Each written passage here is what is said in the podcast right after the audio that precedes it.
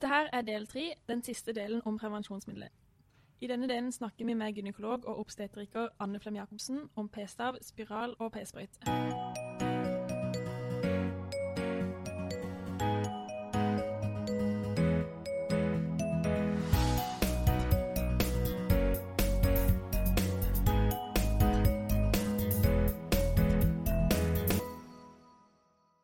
Du har nevnt det, men eh, langsyklusprevensjon, eh, hvis man kaller det det? Du tenker kanskje på uh, long acting reversible Det var akkurat det jeg tenkte ja. Uh, ja, altså, n- n- hvis vi snakker om lang syklus, så er det egentlig p-piller som du tar etter hverandre. Ja? Eh, når vi snakker om LARC, eller long acting reversible contraceptives, så er det egentlig spiral eller eh, implantat, eventuelt eh, p-sprøyte. Og spiral er jo blitt veldig mye mer um, populært de siste åra og brukes i veldig mye større grad.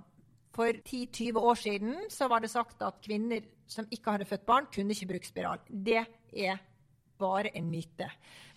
Kvinner eh, helt ned til nesten tenåra kan egentlig bruke spiral, men det er litt ubehagelig å sette den inn. Men når du først har satt den inn, så er den der, og den virker, og du slipper å tenke prevensjon. Eh, Jades vet jeg er en av de. Den, er vel litt mindre eh, og nyere. Er det på en måte de minste og nyeste man bruker da, hvis man ikke har fått barn og kan bruke Ja. større Den første hormonspiralen som kom, var litt, hadde litt stor diameter, så den var litt vanskelig å installere. Og så kom Jadis, som var litt mindre, men som også kunne bare sitte i tre år. For Mirena eh, kan jo sitte i fem år, eller er, er anbefalt å sitte i fem år. Jadis viste seg å gi en del um, småblødninger, så nå har de laga en mellomting som heter Kylena, som er eh, litt mindre i størrelse, uh, men som da har litt mer eh, hormoner. For vi ser at ofte disse unge kvinnene som, som da velger hormonspiral, har såpass um, ja, mye hormoner eh, selv og såpass sterk syklus at de faktisk ofte kan få eh, blødningsforstyrrelse på den uh, Jadisen. Så den Jadisen brukes faktisk i mindre og mindre eh, grad. Og så er det jo kommet noen andre på markedet som heter også Levosert, som faktisk kan sitte, sitte i seks eh, år. Hvis man eh, begynner å blø, da, eller når, hvis man har en av de her og, og blør, er det vanlig at det går over, eller? Det som er vanlig, er at du har en del småblødninger til å begynne med. Så mm, tre måneder inntil seks måneder så kan du ha småblødninger. De fleste blir egentlig tilnærmet blødningsfri i løpet av den første tremånedersperioden. Men, øh, men du skal fortelle pasienten at det er vanlig med litt uregelmessige blødninger til å begynne med, for ellers blir de veldig skuffa fordi de tror at setter du inn spiralen, blødningsfri, ferdig. Ferdig med menstruasjon for fem år. Ja. Så, så vær, vær ærlig og si at dette mm, vil antageligvis gi noen små blødninger. Og er de blødningsfrie i løpet av en måneds tid, da er de kjempehappy og kommer tilbake igjen og er strålende fornøyd med legen sin. Eh, Så, så det, er, det handler om eh, ja, forventningsstyring og god informasjon. Skulle man være så heldig at det ikke er over etter seks måneder, da, må man eh, velge en annen spiral, eller må man kjøre en annen strategi? Ofte så vil man da ta ut uh, spiralen fordi man, dette ikke fungerer. Det man også kan forsøke, hvis du da hvis det, du ikke har noen kontraindikasjoner, så kan du faktisk prøve å bruke en kombinasjonspille i tre måneder for å regulere blødninga. Men um, det vet jeg at Sex og Samfunn bruker en del og, og har ganske god erfaring med. Jeg har ikke gjort det så mye i, i praksis uh, selv, men, men det kan være et uh, forsøk verdt. Og det er ikke noe farlig å bruke begge deler en kort eh, periode. Men hos noen så vil det bare så, så kommer pasienten og sier at dette orker jeg ikke se å ta ut den spiralen, jeg må prøve noe annet. Ja, ikke sant? Eh, Jeg prøvde meg at vaginalring kanskje virka lokalt. Det bomma jeg litt på. Hvordan er det med spiralen? Virker den lokalt?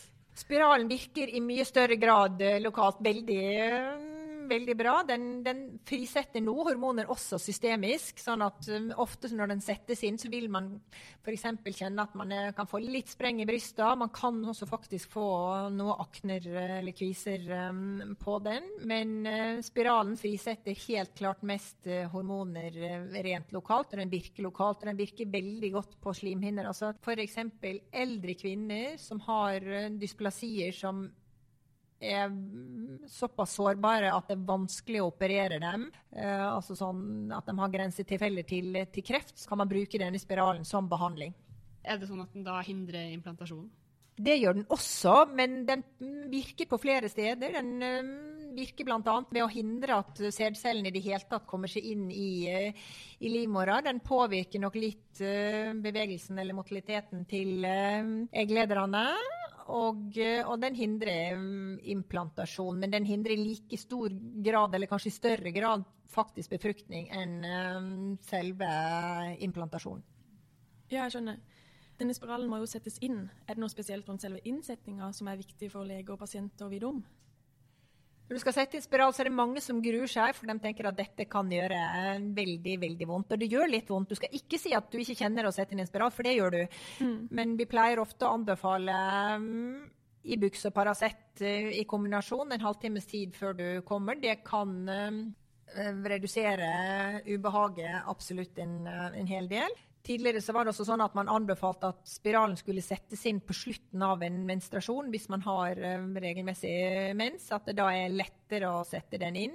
Og man vet også da at man ikke er gravid. Så det er nok fortsatt en, en anbefaling. Men, men, hvis du kommer inn og ønsker en spiral og er i siste del av syklusen, vel, så, så kan du få lov til å få en spiral likevel. Vi må bare vite at vi ikke er gravid. Ja, Så må alle ta en graviditetstest først, da? I utgangspunktet så tar vi ikke graviditetstest på alle. Vi, vi, tror, vi, tror, pasientene på det de sier, at de ikke er gravide. Hvis de tror at de kanskje kan være gravide, da må de selvfølgelig ta en graviditetstest. Men hvis de da er etter eggløsning og før menstruasjon, så vil jo ikke den nødvendigvis slå ut da. Så da kan det hende at du må vente litt. Men samtidig, hvis de ikke ønsker graviditet, og de har nettopp hatt en eggløsning, så vil også en spiral egentlig virke som en eh, slags nødprevensjon eh, der og da. Så du kan legge den inn, og den virker som nødprevensjon inntil syv dager eh, etter et ubeskytta samleie. Ja. Eh, er klamydiatest noe man tar for å hindre at bakterier kommer opp i livmora? Det kan være lurt å ta en klamydiatest eh, samtidig hvis du har en kvinne som eh, kanskje kan ha en eh, klamydia og har hatt ubeskytta samleie med partner som, eh, eller flere partnere.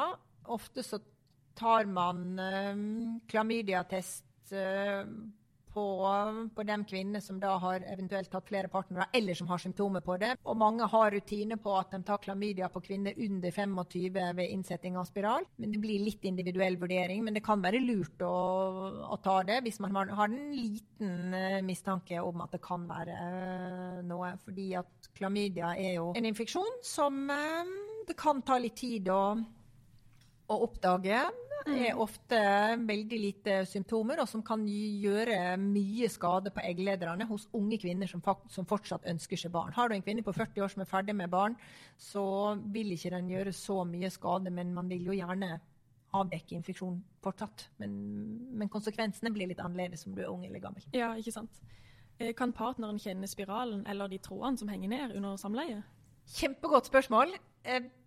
Vanligvis så vil partner ikke kjenne mm, trådene, og ofte så sier kvinnene klipp tråden så kort som mulig, sånn at partneren min ikke kjenner den. Mm. Og Det ville vært logisk, men det er faktisk sånn at du skal klippe trådene ca. 3 cm, for da legger den seg langs med mm, livmortappen og partner vil ikke kjenne den. Hvis du klipper den veldig kort, så vil det kunne være en sånn liten spiss som faktisk uh, kjennes av, uh, av, partner uh, ytterst på penis i forbindelse med samleie. Så det er ikke anbefalt. Heller litt lang enn litt kort.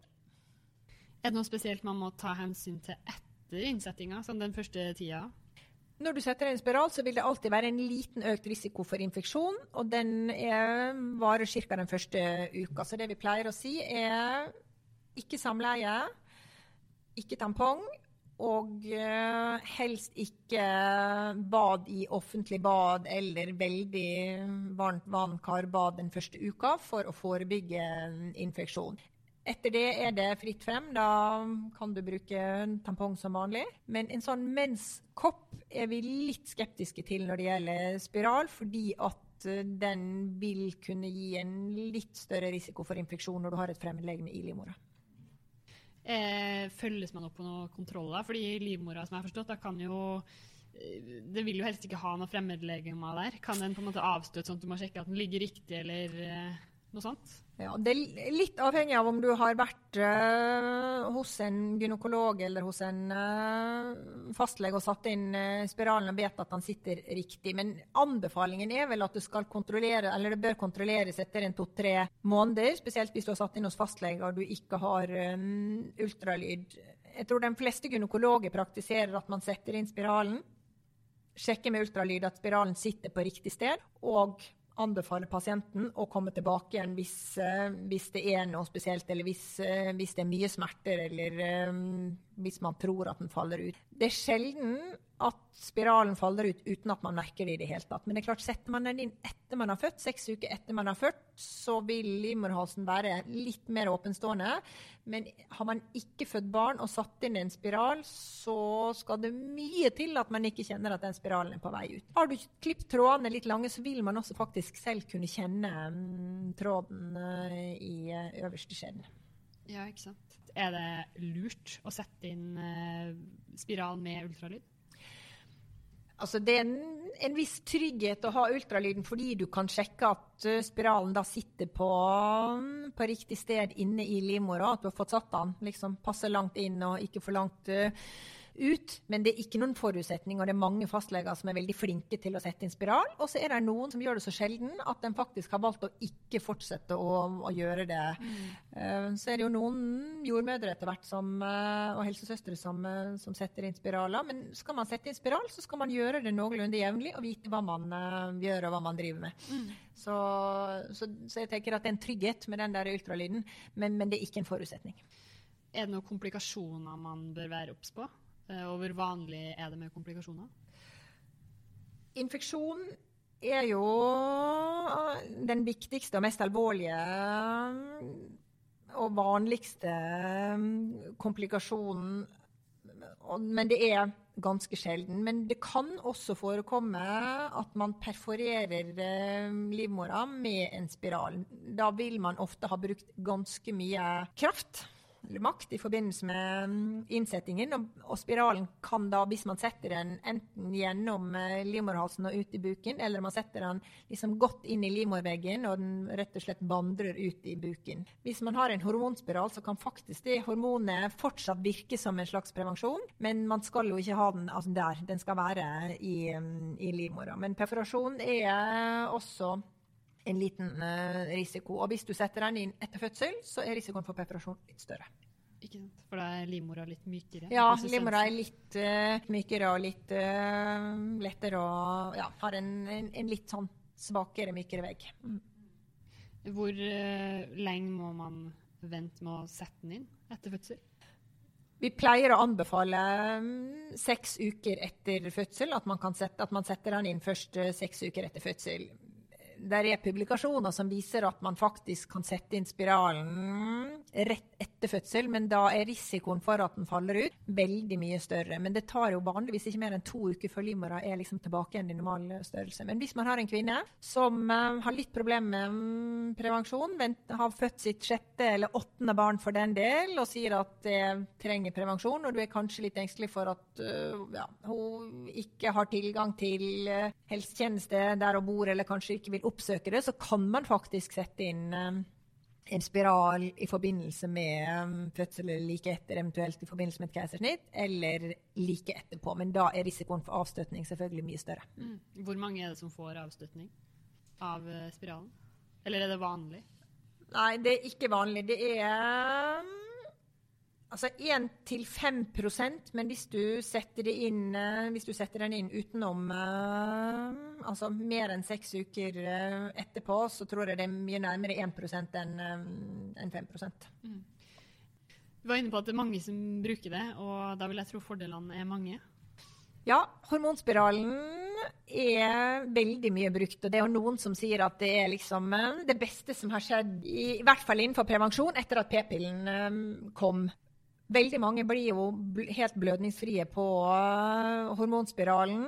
Og til å begynne med så var det stort sett kvinner som hadde født sine barn, som, som begynte å bruke den hormonspiralen det viktigste med hormonspiralen er jo at når du setter den inn, så virker den fra første øyeblikk, og den virker helt til du tar den ut. Og det hormonbelegget som ligger på, er ofte garantert for da enten tre, fem eller seks år, og vil ofte også holde noe, noe lenger. Men du har en, en, sikker prevensjon som du slipper å, å, tenke på. Det er ingen alvorlige bivirkninger, og de uh, bivirkningene som er forholdsvis lette, og som kommer til å begynne med, vil som oftest um, forsvinne. Sånn at det er blitt en veldig veldig populær uh, prevensjon. I tillegg så er hormonspiralen, hormonspiralen vist å ha uh, mindre forekomst av infeksjoner enn kobberspiralen.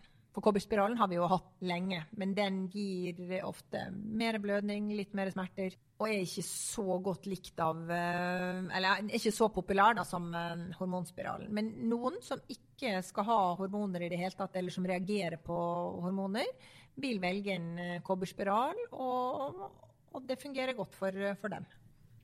Er det ikke mange som blør veldig når de bruker den?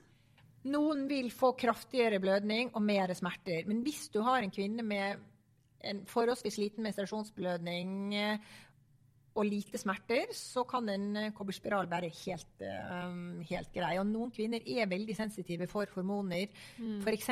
på når det gjelder um, humørsvingninger. Eller noen kvinner har jeg sett har fått kraftig med akne faktisk på, på ryggen av hormonspiral. Og da kan en, en kobberspiral være mm, et alternativ.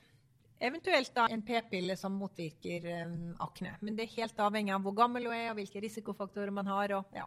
Det er veldig mange muligheter og mange valg, og ofte så må man diskutere med pasienten hva er ønsker dem, hva er muligheten, og hva skal vi starte med? Kan det gi en anemi? Kan man liksom blø så mye at uh, man ser at HB-en er lav, og, eller må man da tenke at absolutt. det kan være andre ting? Nei, absolutt. Altså, har du en kvinne som får kraftige blødninger på, på en kobberspiral, så er det veldig mulig, godt mulig å få en, utvikle en uh, anemi. Så, men, men, det er ikke sånn at vi pleier å skrive ut uh, jerntabletter samtidig med kobberspiralen. Det gjør vi ikke. Men, men, at man gir informasjon om at det er økt forekomst av kraftige blødninger og smerter, det bør man fortelle om. For da kan det være lettere å akseptere at det faktisk er sånn. Uh, og det kan være at det går seg til litt etter hvert, men, men ikke nødvendigvis. Ja, ellers kan man kanskje føle seg litt lurt hvis man ikke har hørt om det før. Ja. Vi går videre til p-staven. Hvordan brukes den? P-staven er en uh, litt myk, tynn uh, stav, som en tynn strikkepinne, men veldig uh, myk. som settes på overarmen, på undersida av overarmen, omtrent i tricepsnivå. og den settes inn av lege og kan sitte der i tre år. Er det noe som er viktig å tenke på før innsetting her? Ja, det er jo på samme måte som, eh, som andre rene gestagrenpreparater er det, er det sånn at man har reagert mye på hormoner eh, tidligere. Lett tilgjengelig for humørsvingninger eller eh, kviser eller uregelmessige blødninger. Så kan det være at, at p-staven ikke nødvendigvis er det beste, men mange blir jo på samme måte som egentlig hormonspiralen blødningsfri og, eh, og P-staven fungerer veldig godt. I Sverige så har den vært veldig populær. I Norge så har den ikke vært så populær, og vi vet ikke helt sikkert hva det skyldes. Den kan av og til være litt vanskelig å, å fjerne, men hvis man kan teknikken både med å sette inn og fjerne, så fungerer det helt uh, utmerket. Ja. Eh, er den trygg fra start, eller? Hvis du setter den inn i forbindelse med første dag i menstruasjon, så er den trygg fra første dag. Hvis ikke så bruker du tilleggsprevensjon i syv dager. Ja. Mm. Mens spiralen derimot er trygg fra det øyeblikket du setter den inn. Ja. Må man ta hensyn til staven på noen måte? Gjør det vondt hvis man kommer borti den?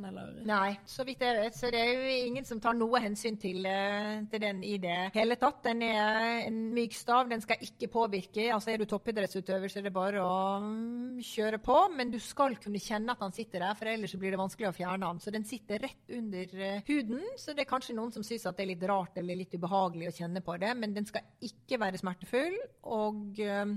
eh, den skal ikke hindre det i noen form for uh, utfoldelse, verken på den ene eller andre måten. Mm. Eh, Er det samme her som med p-pillen, at hvis du tar den ut, så er du fruktbar med en gang, eller? Ja, det fungerer på samme måten at uh, de hormonene er ute av kroppen i løpet av veldig, veldig, veldig kort tid. Så ønsker du å bli gravid, så tar du den ut den syklusen du ønsker å bli gravid.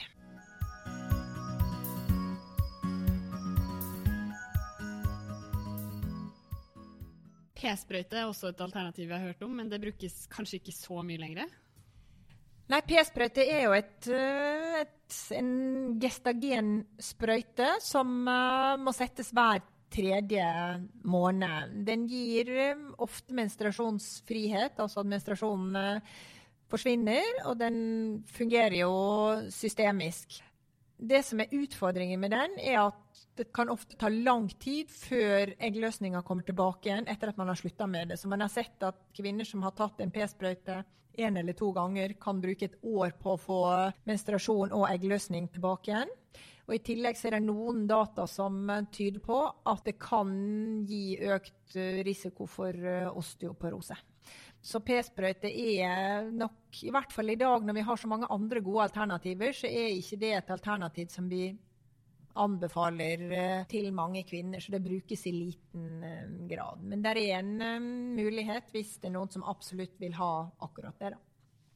Vi har snakka litt om kobberspiral, som er et hormonfritt alternativ. Finnes det andre ikke-hormonelle prevensjonsalternativer? Ja, det fins jo en del Altså, det fins jo kondom.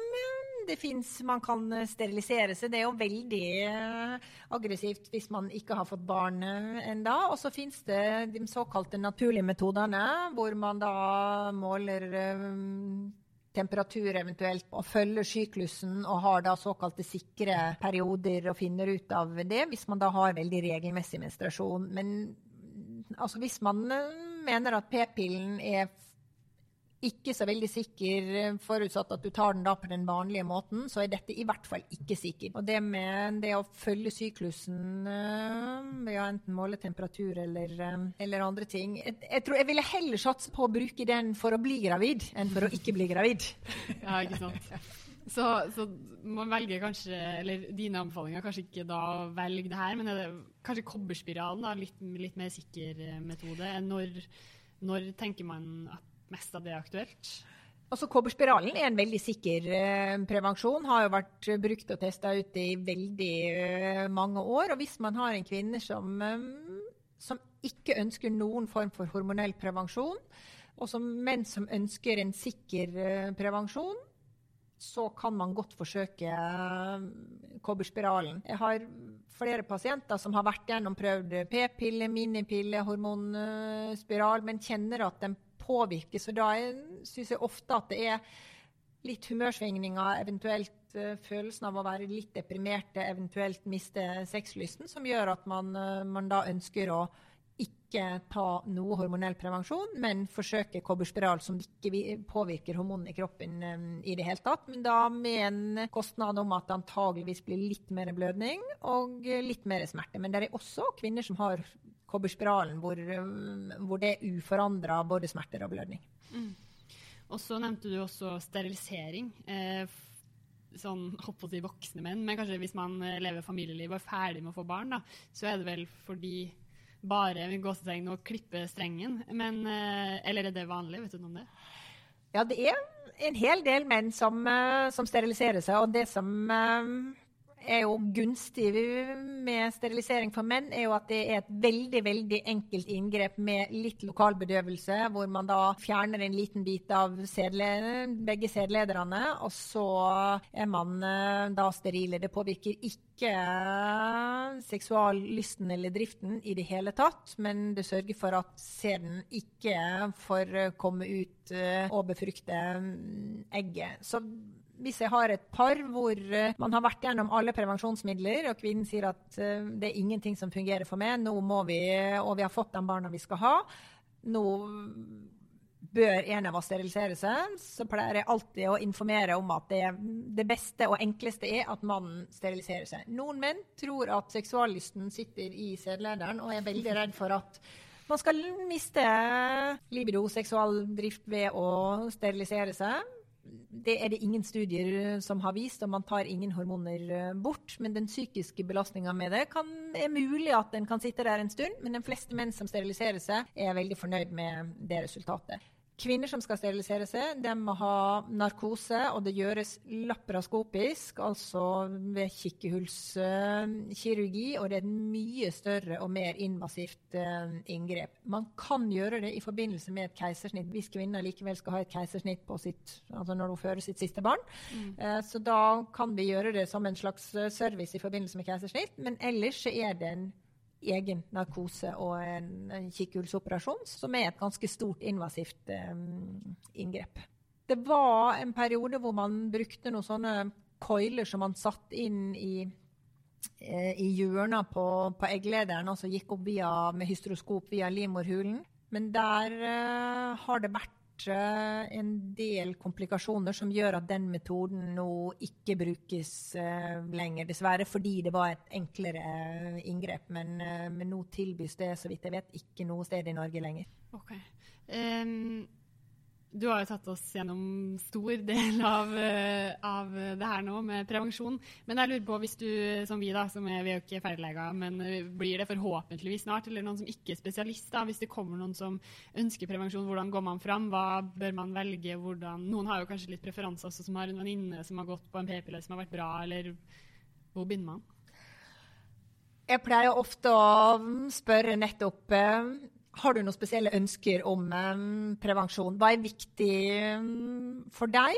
Og så er det, som du sier, ofte så har man en venninne, eller man har diskutert med mammaen sin kanskje, eller med en kusine, eller noe sånt.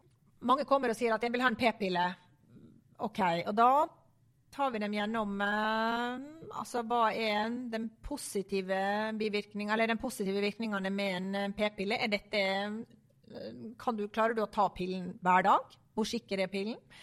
Har du noen risikofaktorer? Er det en slank, sprek, ikke-røykende kvinne som ønsker å ha en helt regelmessig menstruasjon eller lang syklus uten, um, uten blødning, så kan kanskje p-pillen være et bra alternativ. Og spesielt hvis hun da kommer og sier at jeg har mye menstruasjonssmerter eh, og jeg har en del uregelmessige blødninger, så kan p-piller være et godt alternativ. Samtidig så vil det jo alltid være en litt økt risiko for, eh, for blodpropp. Mange ønsker en eh, minipille og har hørt at det fungerer eh, bra. Og det er jo da enda gunstigere, for da har de ikke den risikoen for blodpropp. Og noen ganger så foreslår jeg hva med en spiral eller et implantat da er det faktisk ganske mange av de unge som sier at nei, men det er jo kjempevondt å sette inn, og det skal jo ikke brukes før vi har fått barn. Og da mm. gjelder det jo å forklare at um, dette kan du veldig godt uh, bruke. Veldig sikkert prevensjonsmiddel. Du slipper å tenke på det i det hele tatt. Um, og det er um, enten da en uh, i form av uh, hormonspiral eller en, en kobberspiral.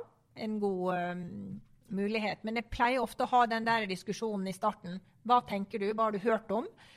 Hva ønsker du? Og hvis de eh, sier at jeg vet ingenting, jeg vil bare ha en fast og trygg prevensjon, og det er en ung kvinne som er under 20 år, så endrer ofte opp med en minipille eller en p-pille i starten. Og så kan man kanskje da gå videre. Så kommer de ofte tilbake igjen hvis det ikke fungerer.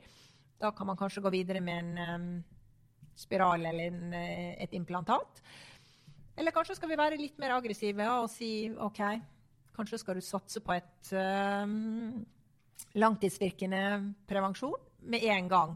Men det å sette inn en spiral kanskje første gang du er hos en lege og gjør en gynekologisk undersøkelse i det hele tatt, eller ikke har gjort det, kan være litt skremmende for, um, for en del. Men um, det er en spennende samtale å ha, og vi har utrolig stor påvirkning på de um, kvinnene som kommer til oss og skal ha prevensjon, så vi skal gi dem god, objektiv og trygg informasjon.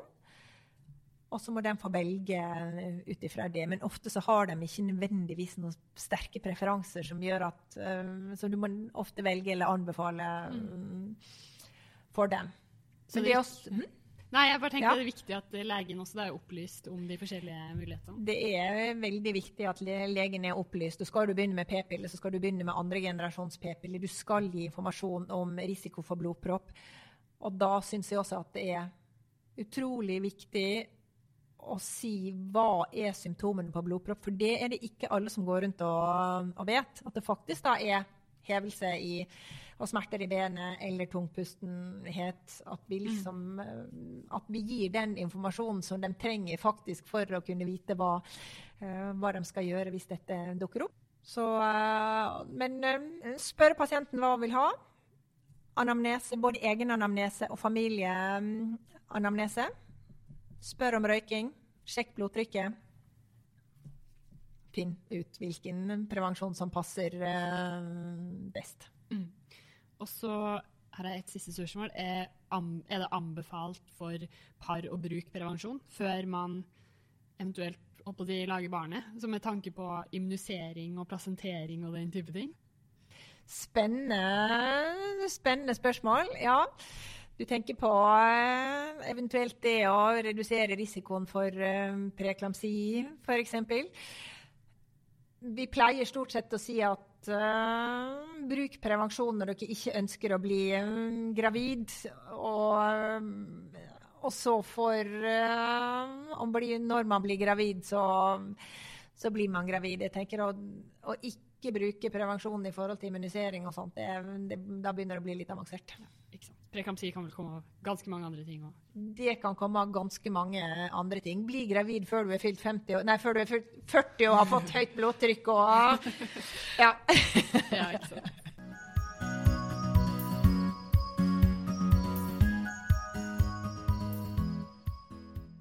Da var vi ved veis ende om eh, prevensjonsmidler. Og Cecilie, vil du oppsummere litt hva vi har lært av Anne? Ja, vi snakka om kombinasjonspreparatet, og vil si de som inneholder både østrogen og gestagenet. Og her fins p-pillen, vaginalring og p-plaster. P-pillen er hovedsakelig monofasisk, hvor 21 piller på brettet har likt innhold av hormonet, og 7 piller er sukkerpiller. De kan enten være i høydose eller lavdose og finnes i ulike generasjoner. Andre generasjon er eldst og anbefalt som førstevalg pga. lavest risiko for trombose. Loette har lavest konsentrasjon av hormonet, mens mikrogynon har litt høyere konsentrasjon. Loett kan gi litt blødningsforstyrrelse, særlig hos de yngste, og man kan da bytte til mikrogynon for å bedre dette. Tredje generasjon er nyere og har noe høyere risiko for venøs tromboembolisme, og brukes dermed litt mindre. Ellers så er Diane en p-pille som er antiandrogen og derfor effektiv for de som plages med akne. Men den har den høyeste risikoen for venøs tromboembolisme, og tromboserisikoen er størst det første året. P-pillen er meget effektiv når den brukes korrekt, men det er fort gjort å glemme enkeltdose. Ved en glemt pille må den neste tas innen 24 timer for å ikke miste effekten. Ved oppstart første dag av menstruasjonen så gir kombinasjonspreparatet umiddelbar sikkerhet, og ellers så må man bruke tilleggsprevensjon i syv dager. Hvis man ønsker å bli gravid, så er det anbefalt å stoppe den måneden man ønsker å bli gravid. Noen pasienter skal ikke ha kombinasjonspreparatet. For det første så er det ikke anbefalt å starte på kombinasjonspreparatet for første gang etter man har fylt 40 år, men man kan fortsette til 50 år hvis man har gått på det tidligere. De som har hatt tidligere trombose sjøl, eller eh, har førstegangsslektninger som har hatt det, skal ikke ha kombinasjonspreparatet. Heller ikke de med migrene med aura. Aktiv brystkreft, de som har hypotensjon over 140 over 90, eller BMI over 35. De første seks ukene etter fødsel skal man òg unngå disse kombinasjonspreparatene pga. økt risiko for trombose i denne tida. Ved oppstart av kombinasjonspreparatet skal man derfor ta opp en god sykehistorie med kardiovaskulær sykdom, trombofili, epilepsi, migrene, røyking og BMI. Eh, man skal ta en familieanamnese på venøs trombose og en blodtrykksmåling. I tillegg skal man gi informasjon om bivirkninger. Det er flere milde bivirkninger som ødeme, kvalme, ømme bryster, spotting, stemningsendringer eller depresjon. Vektøkning kan noen få, og noen kan òg oppleve redusert sexlyst. De mer alvorlige bivirkningene er jo da som sagt økt tromboserisiko, som er størst det første året, og noe økt risiko for kreft, eh, og da særlig brystkreft. Gestagena var det neste, og det som kun inneholder progesteron, er da minipillen Ceracet, p-stav og spiral. Minipillen den tas hver dag uten opphold, i motsetning til p-pilla. Eh, minipillen er like effektiv som p-pillen ved riktig bruk. Ved glemt pille må den tas innen tolv timer for å ha effekt. Den er også umiddelbart sikker hvis oppstart er første dag i menstruasjonen. Og hvis det ikke er det, så anbefales man å bruke tilleggsprevensjon i sju dager. Alle kan gå på her preparatene, også dem som har fylt 40, kan starte opp med de her. Eneste kontraindikasjon er aktiv brystkreft. De her har samme milde bivirkningene som p-pillen. Ødema, kvalme, ømme bryster, spotting, stemningsforandring, depresjon, redusert sexlyst. Men de har ingen alvorlige bivirkninger. Hormonspiral, p-stav og p-sprøyte er såkalt LARC, Long Acting Reversible Contraceptive. Hormonspiralen kan sitte i fem år og sende hormoner ut som virker lokalt i livmora, og én hemmer befruktning, to hemmer implantasjon, og tre gjør cervixsekretet tykt og vanskelig gjennomtrengbart for sædceller. Før innsetting bør kvinnen få paracetamol eh, og eller Ibux, og man må være helt sikker på at hun ikke er gravid, og vurdere klamydiatest ved ubeskytta samleie i forkant. Tråden på spiralen skal klippes 2-3 cm nedenfor portio. Den bør heller være for lang enn for kort. Komplikasjoner som kan forekomme, men er sjelden, er perforasjon og utstøting. Begge her har økt risiko etter fødsel. Etter innsetting skal man unngå tampong, samleie og bading de første sju dagene. Dette er pga. økt infeksjonsfare, og man skal være forsiktig og helst ikke bruke menskopp. Kontroll kan vurderes etter én til to måneder for å høre hvordan pasienten har det, og sjekke at spiralen sitter på plass, og at eh, det ikke foreligger noe ruggeømhet. P-staven kan sitte i tre år og skille ut gestagener systemisk som inhiberer ovulasjon og gir tykkere slim i cervix. Den er også trygg helt fra du setter den inn, hvis den settes inn første dag av menstruasjonen, Ellers trengs også tilleggsprevensjon i sju dager for det. Man er fruktbar med en gang staven tas ut pga. at hormonene forsvinner umiddelbart. P-sprøyte er ikke så mye brukt lenger, men den skal i hvert fall settes i magen hver tredje måned. Vanligste bivirkning for både spiral og p-stav er blødninger i opptil tre til seks måneder. Det kan gi seg av seg selv, men man kan også forsøke med en p-pille i tillegg hvis det ikke blir noe bedring. Noen går òg på hormonfri prevensjon. Her finnes kondom, kobberspiral eller sterilisering, enten av mann eller kvinne. Disse må velges ved aktiv brystkreft, eller man kan velge det hvis man er skeptisk til hormonet eller får bivirkninger av hormonpreparatet. Det er òg viktig å huske at ønsket om å ikke bli gravid ikke er eneste indikasjon for å gå på prevensjonsmidler. Det brukes òg mot menstruasjonssmerte og endometriose fordi man kan oppnå amenoré. Eller så kan man bruke det ved akne. Tusen takk til deg, Anne, for alt du har lært oss i dag. Og tusen takk til alle dere som har lytta på episoden. Send gjerne spørsmål enten på Facebook, Instagram eller mail. Ha det bra. Ha det!